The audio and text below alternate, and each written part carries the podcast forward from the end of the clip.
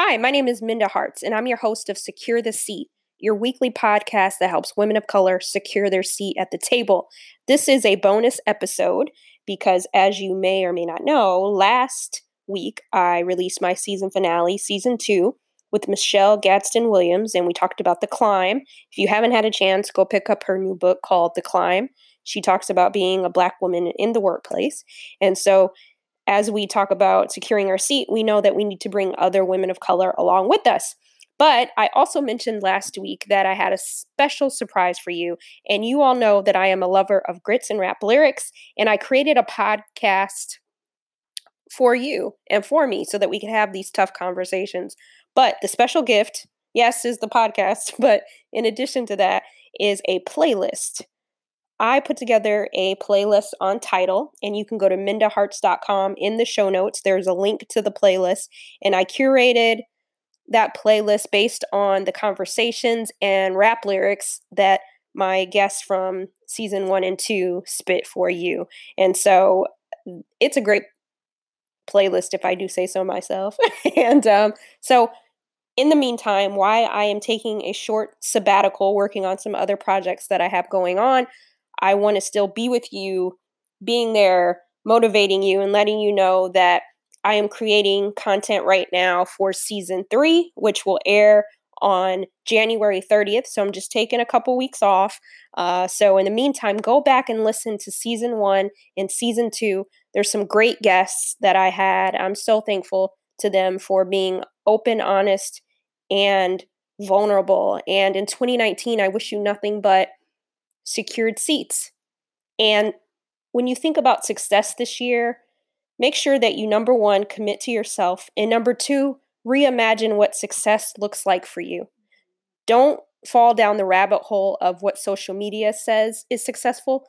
The most successful people, many, I'll say, many of the most successful people are not even on social media. They're not posting all day or tweeting or if they are they may have like 100 followers or 200 followers or 50 because they're not instagram or twitter famous necessarily. Now some are but don't be consumed by what social media says. And and i'm reimagining redefining what success means for me. I can't it can't be based off of other people's opinion that don't know who i am right? And i can't risk my sanity and um, my seat at the table for trying to chase after somebody else's social feeds. And I want to encourage you to reimagine what success looks like for you.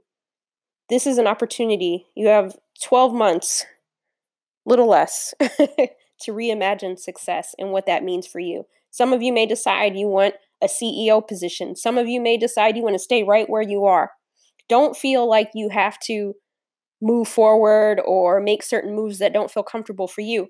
Recently, I was having a conversation and we talked with another woman of color, and she was saying that she felt bad that she doesn't want the top spot in the workplace, that she's comfortable and content and happy where she is right now. And I told her, I said, you have to reimagine what success looks like for you. Let everybody else do them. You got to do what you do that's important for you and keeps you happy because she mentioned that every time she tries to go after another spot or put more on her plate that it brings on anxiety it brings on angst and she's not happy in those roles and she's realized she was very honest with me and said i don't want to manage people. And sometimes when you get to these top spots you have to manage people in some cases but i told her that leadership can look different. It can look any way you want it to look. And you could also secure a seat that doesn't require you to manage people, you know, but we have to know where our strengths lie, where our weaknesses lie, and ultimately where our happiness lies. And I want to leave you with another nugget, and that is I recently finished a short book, super sweet. It was called Sister Love. It was letters between two black feminist poets, uh, Audre Lorde and Pat Parker. It's called Sister Love. Check it out. Amazing, amazing, quick read book. And um, it chronicles their letters back and forth to each other over a 20 year time period. And at one point in time, Pat Parker was feeling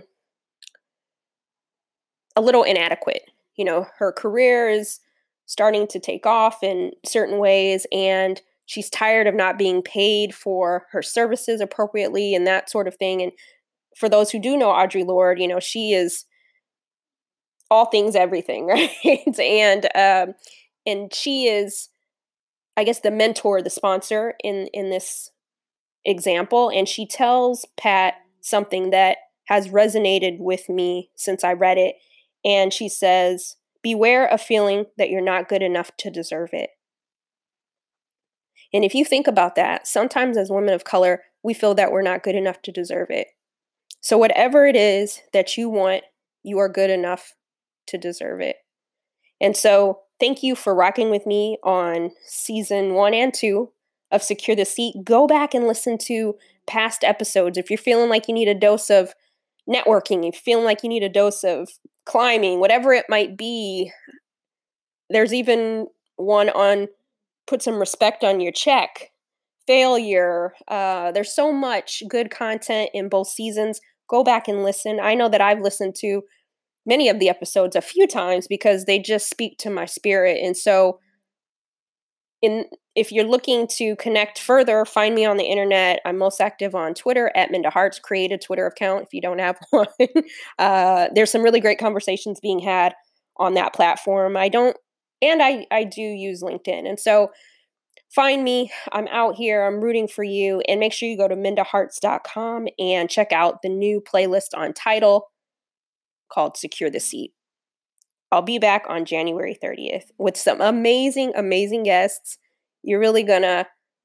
I, I wish I could even like share just a little of some of the people that are coming down the pipeline, but uh, no different. Season one and two, we had really great women, and I'm even going to interview a couple of men uh, in season three because it's important that we hear some of their perspectives in terms of those who have managed women of color and that sort of thing. So I got some cool stuff in the mix for you and some new rap lyrics to share. All right, take care. Talk to you soon.